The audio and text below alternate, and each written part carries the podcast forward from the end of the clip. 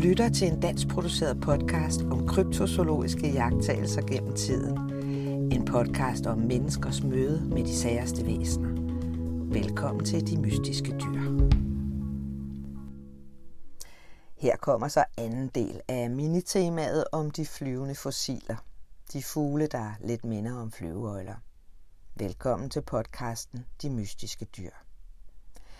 I sommeren 1967, nær Middletown i Ohio, blev en stor fugl set flyve over adskillige farme. Vidner beskrev fuglen som mørk og til at have et vingefang på mellem 4,5 og 6 meter. Fire andre vidner beskrev en tilsvarende fugl, der svævede hen over deres veranda og hus få dage efter.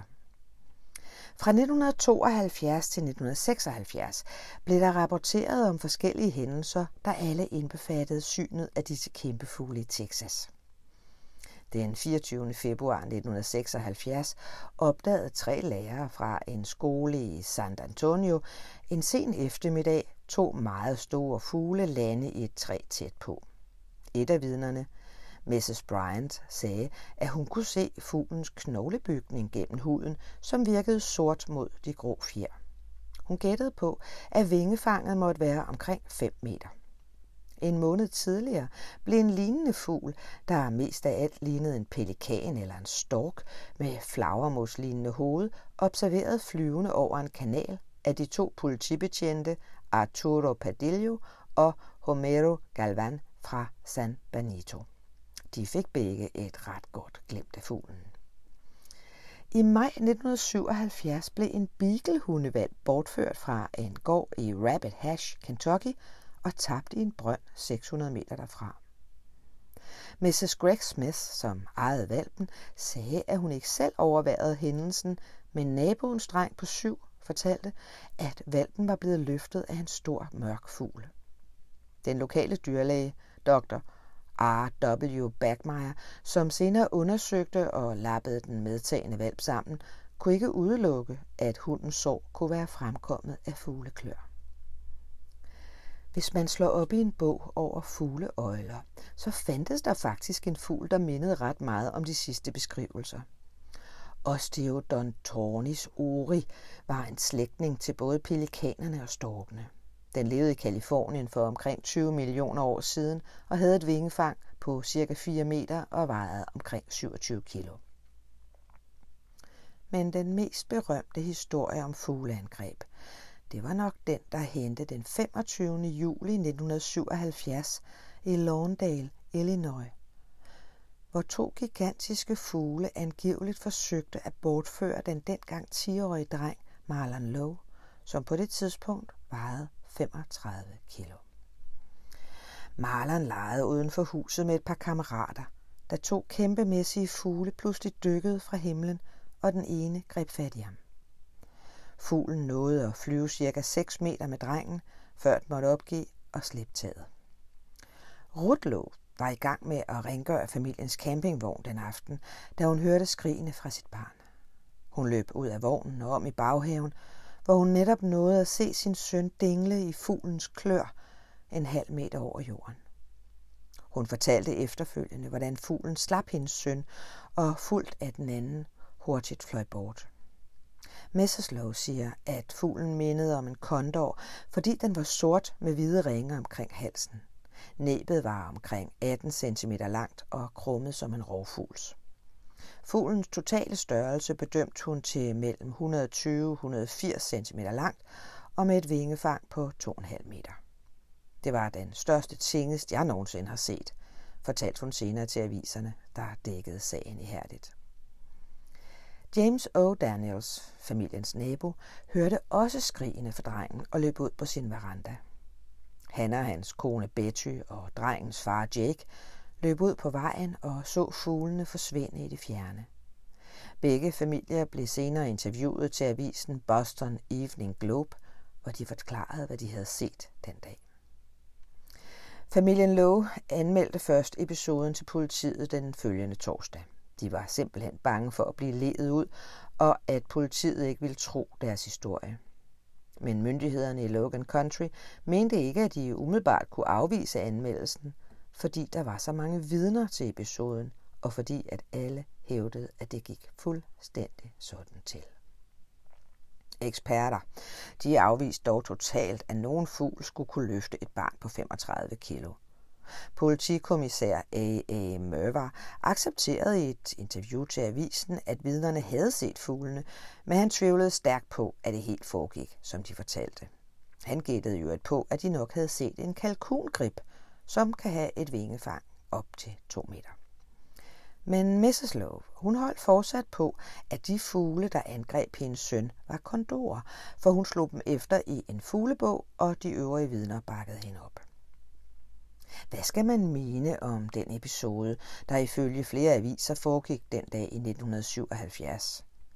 Forsøgte en stor fugl af ganske ukendt størrelse at bortføre et barn, der trods alt vejede 35 kilo? Her har vi i hvert fald en historie med adskillige vidner. Ikke en historie af den sædvanlige slags, hvor et enkelt menneske ser noget underligt langt fra alfavej. Det her foregik i et ganske almindeligt middelklassekvarter en sommeraften i USA. Der fandtes faktisk en kondorlignende fugl af ganske imponerende størrelse, som officielt uddøde for ca. 50.000 år siden. Teratotornis incredibilis havde et 5 meter langt vingefang og vejede omkring 22 kilo. Et skelet af denne fugl blev senest udgravet i Creek Cave i Nevada i 1952. Hvis vi vender blikket mod Afrika og går en del år længere tilbage i tiden, så møder vi en mand ved navn Frank H. Mellon, som i 1923 i en periode arbejdede i Zambia. Han morede sig med i fritiden at indsamle de lokales historier om de skrækkelige flyvende øjler.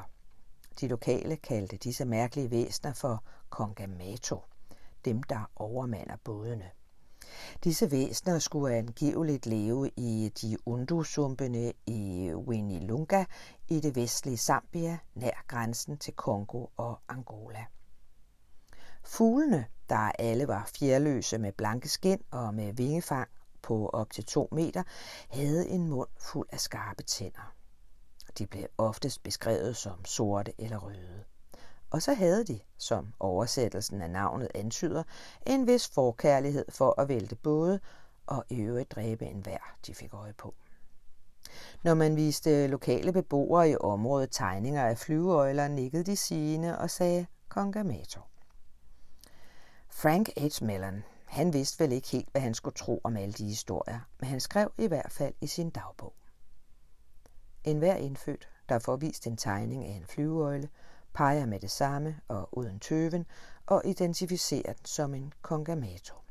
Mellem de indfødte er der en høvding fra Yiundu, hvor der skal være særlig mange kongamatorer, og hvor de er særligt vilde og farlige. I 1925 så rejste en meget anerkendt journalist, J. Ward Price fra en engelsk avis, sammen med den tidligere hertug af Windsor på en officiel visit til Rhodesia, det nuværende Zimbabwe. Han skrev senere i en af sine mange rejseartikler, hvordan en lokal tjener havde fortalt ham en makaber historie om en mand, der var blevet fundet såret efter at have været ude i en sump i området, som var berygtet for at huse dæmoner. Den modige mand var gået ud i sumpen for at finde ud af, hvad der egentlig levede derude. Da han kom tilbage, var han døden nær. Han havde dybe sår på halsen, og fortalte lægen, der lappede ham sammen, hvordan han var blevet angrebet af en uhyggelig stor fugl med et spidst og skarpt næb. Tjeneren, som fortalte historien til journalisten, hørte om episoden og spekulerede på, om manden havde haft et sammenstød med en kongamato. Han opsøgte manden på hans sygeleje og viste ham et billede af en flyveøjle fra en børnebog om dinosaurer. Tegningen fik manden til at skrige højt af redsel, og trods sin alvorlige sorg styrtede han ud af huset og forsvandt. I 1942 så kunne ober C.R.S. Pittman genfortælle de historier, som han havde hørt fra de lokale om en stor flagermusagtig eller fuglelignende skabning, der levede i det nordlige daværende Rhodesia i et øde sumpområde. Man fandt, ifølge obersten, spor efter disse dyr, såvel som spor efter deres lange haler, som de havde trukket igennem den bløde jord. Observationerne begrænsede sig ifølge obersten ikke kun til et enkelt område, men lignende historier kunne også høres vidt omkring Kilimanjaro og Mount Kenya. Skeptikerne henviste senere til, at disse beretninger måtte stamme fra nogle lidt for fantasifulde og vidtløftige lokale, som nok fandt inspiration til historierne, da de hjalp til ved de arkeologiske udgravninger af fossiler omkring 1. verdenskrig i Tendagaru i Tanzania. Men måske så kommer den mest rystende og de mest forbløffende beretninger slet ikke fra de lokale, men derimod fra nogle af de europæiske opdagelsesrejsende, som har hjembragt flere utrolige historier. Blandt andet har den kendte zoolog og forfatter Ivan T. Sanderson haft en særdeles skræmmende oplevelse i Vestafrika. Sanderson han var i 1932 og 33 leder af en ekspedition udsendt af British Museum i Cameroon. Ved Asumbo-bjergene kamperede holdet i en skovbevokset dal nær en stejl flodbred. De var ude at jage, da Sanderson fik øje på en frugtædende flagermus i et træ og skød den. Flagermusen faldt i vandet, og da Sanderson ikke ville lade den gå til spilde, besluttede han sig for, forsigtigt, at følge efter den ned ad den stejle flodbred. Sanderson skred i det glatte mudder og var på vej i floden, men fandt i sidste øjeblik balancen og rakte glad ud efter flagermusen foran sig. Pludselig hørte han et råb bag sig fra sin kollega, der skreg, Pas på! Vi kan lade selv fortælle resten. Og jeg så op og udstødte et højt skrig. Instinktivt sprang jeg på hovedet i floden og dykkede ned under vandoverfladen. Fordi kun en halv meter over vandoverfladen kom en sort tingest på størrelse med en ørn mod mig. Jeg så kun et glimt af dens hoved, og det var også alt rigeligt, for dens underkæbe hang åben og åbenbarede en halvkreds af spidse hvide tænder mod den mørke hud. Da jeg atter dukkede op af floden for at få luft, var den forsvundet. Jeg kom drøbende op og sidde på en sten, og George og jeg så forskrækket på hinanden. Vil den komme tilbage, spurgte vi hinanden. Og lige før det blev helt mørkt, kom den der også igen. Svævende over floden fløj den.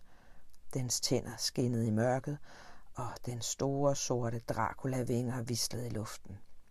Vi var begge uopmærksomme på det tidspunkt. Min riffel var i glat, og brutalitet var nu engang et fremmedord for George. Han dukkede sig i redsel, da dyret fløj hen over ham, og i et nu var fuglen forsvundet i mørket. Sanderson og hans kollega George vendte tilbage til lejren, hvor de forhørte sig hos de lokale bagere om, hvad det mon var for et dyr, de havde mødt.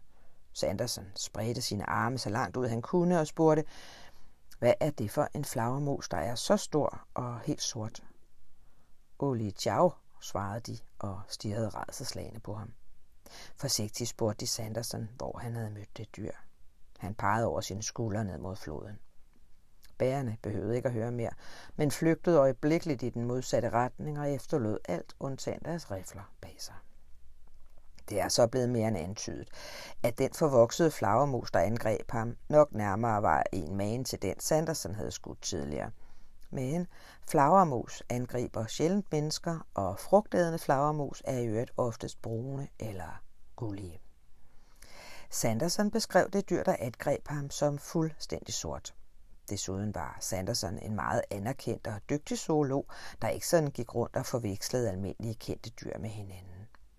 Han mente, at fuglen havde visse ligheder til fælles med en flagermus, men at det i så fald ikke var en kendt art. Og flyveøjler ligner? Nå ja, de minder vel mest om meget store flagermus.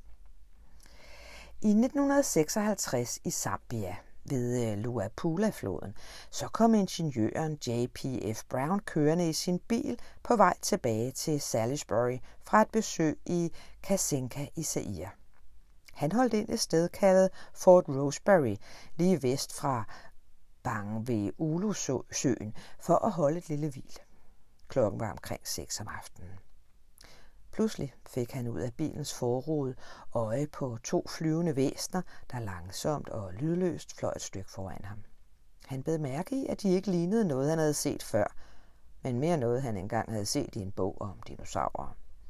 Han vurderede vingefanget til omkring 110 cm, og begge fugle havde smalle hundelignende ansigter med et forlænget forparti. Et af væsnerne åbnede næbet, og her så han et stort antal spidse tænder i gabet på den. Alt i alt målte de omkring 140 cm i længden. Efter at denne observation kom ud, så henvendte et ægtepar ved navn Mr. and Mrs. Gregor sig til en lokal avis og fortalte, hvordan de også havde set nogle 70 cm lange flyvende firben i den sydlige del af landet. Dr. J. Blake Thompson, som var i området på samme tid, fortalte, at Avemba-stammen havde berettet om store fugle, der lignede rotter, men som havde en kædelig vane med at angribe mennesker. Disse øh, fugle vidste man boede i huler nær udmundingen af Zambezi-floden. I 1957 kom en hårdt såret mand ind på hospitalet i Fort Roseberry, samme sted hvor J.P.F. Brown havde set de flyvende væsener året forinden. Lægen på stedet, som behandlede manden, spurgte ham naturligvis, hvordan han var blevet så ille tilredt, og manden forklarede, hvordan han var blevet angrebet af en stor fugl i bangen ved ulosumpene tæt ved. Lægen undrede sig af gode grunde over, hvilken slags fugl, der opførte sig på den måde, og han bad patienten om at tegne det dyr, der havde såret ham. Manden tegnede en ret vellignende tegning af en flyveøjle. Der findes også beretninger om en fugl, der siges at være større end en elefant med et horn i panden. Man kalder denne fugl for Emelatuka, elefantdræberen. Rapporterne om dette dyr stammer fra Lekuula-regionen i Kongo. Der blev i det område i 1960'erne fundet tre døde elefanter med store dybe sår på siden. Da stødtænderne ikke var fjernet, kunne man på forhånd udelukke krybskytteri. I 1988 så ledede biologen Dr. Roy McCall en ekspedition til Namibia, hvor der gik vedholdende rygter om, at der skulle leve et væsen med et vingefang på over 9 meter. Fuglene blev ofte set sidst på dagen, lige før mørkets frembrud. Desværre så fik øh, Roy McCall ikke noget bevis for påstandene med hjem, men en af deltagerne på holdet, James Cosi, fortalte, at han havde set fuglen på ca. 300 meters afstand. Han beskrev den som en stor glidende skygge, sort med hvide markeringer. Der findes faktisk nogle forvekslingsmuligheder. Der lever faktisk fugle i store dele af Afrika, som under særlige forhold kunne forveksles med de flyvende øjler, specielt under dårlige lysforhold eller om aftenen. Den ene, det er fuglen træskoneb som er en besønderligt udseende storkefugl, der lever i Østafrikas sumpe i områderne blandt andet omkring Kongo og Zambia. Den kan blive op til 120 cm høj og have et vingefang på 2,5 meter. Den har en lang hals, lange sorte ben og et massivt hoved med et meget karakteristisk næb, som har givet den dens navn. I dunkel belysning og på en afstand kan sådan en kugl godt se lidt forhistorisk ud. De er ret sjældne og forsøger at undgå mennesker mest muligt. De har nogle lange næb, men har i hvert fald ikke tænder. Ingen kendte fugle har i øvrigt tænder. En anden fugl, der også ser lidt mystisk ud, det er en fugl med en højde og et vingefang på cirka samme størrelse. En sadelstork. Den er kendetegnet ved et langt, flot rødt næb med en sort stribe og en sort fjerdragt med hvide afmærkninger og lange, tynde ben. Der skal ikke være nogen tvivl om, at nogle af de meget store fugle, som folk har set rundt omkring, nok har været kendte fugle, der bare har været lidt på afveje. Nogle af dem har sikkert været gåsegribe eller andre meget store gribe eller ørne. Men det kan umuligt gælde for dem alle. Specielt i tilfælde, hvor folk har været så tæt på, at de har bemærket fjerløse kroppe og næb med tændsæt. Også i dag og i disse år hævder mennesker at se forvoksede flyvende krybdyr. I 2015 optog en kvinde fra Idaho en video af et sært udseende fugleagtigt væsen, der hurtigt fløj hen over himlen. Som altid skabte sådan en video stor debat på flere medier, og ret hurtigt kom den også over i bunken med fake, sammen med en masse andre af den slags. Den 18. april 2020 så offentliggjorde forfatteren Jonathan Whitcomb et kort over USA, hvor 41 af staterne var markeret. Fælles for staterne var vidneudsagn fra mennesker, der alle hævdede at have set underlige fugle. Væsner, som nogle gange blev omtalt som flyvende dinosaurer. Whitcomb opfordrede samtidig alle, der havde set noget, om at kontakte ham. Gennem de sidste 16 år havde hundreder af øjenvidner kontaktet ham med observationer fra fire kontinenter, og heraf altså 41 stater i USA, hvorfor han skabte kortet. Tre af staterne skilte sig særligt ud med mange observationer, nemlig Hawaii, Utah og Arkansas i den rækkefølge. I 2004 ledte Whitcomb en ekspedition til Papua New Guinea for at lede efter den savnomspundne ropen, et mytisk flyveøjlelignende væsen, som er set der siden tidernes morgen. Hvis der fortsat lever dyr i verden, som vi endnu ikke har sat navn på, så må man indrømme, at sumpområderne i dele af Afrika nok er et af de mest oplagte steder, de kunne bo. Mange af områderne er særdeles ufremkommelige. Sumpen er så bløde, at et menneske ikke kan gå, men synker i. På grund af lianer og vegetation kan kanoer ikke sejle. Fly er heller ikke meget bevendt på grund af den tætte underskov, der gør det umuligt at se ned end sige lande. Kryb fra slanger til blodtørstige insekter gør også deres for at holde sig os væk. Det er så let at erklære, at der selvfølgelig ikke lever noget så skørt som flyveøjler, men der bor stadig mennesker i områderne, som insisterer på, at der holder mærkelige dyr til derude i sumpene. Kongo og landene omkring har i lange perioder været ofre for krig. Guerillasoldater og bevæbnede banditter gemmer sig stadig i terrænet. Folk, der af forskellige årsager ikke har meget respekt for udefra kommende nysgerrige. Hvis der er noget sted, der stadig gemmer på sine hemmeligheder, så er det sumpene i Afrika. Måske finder vi en dag ud af, hvad der skjuler sig derinde. Men indtil videre får mange af områderne lov til at ligge hen, som landskabet så ud på flyveøjlernes tid. Tak fordi du lyttede med.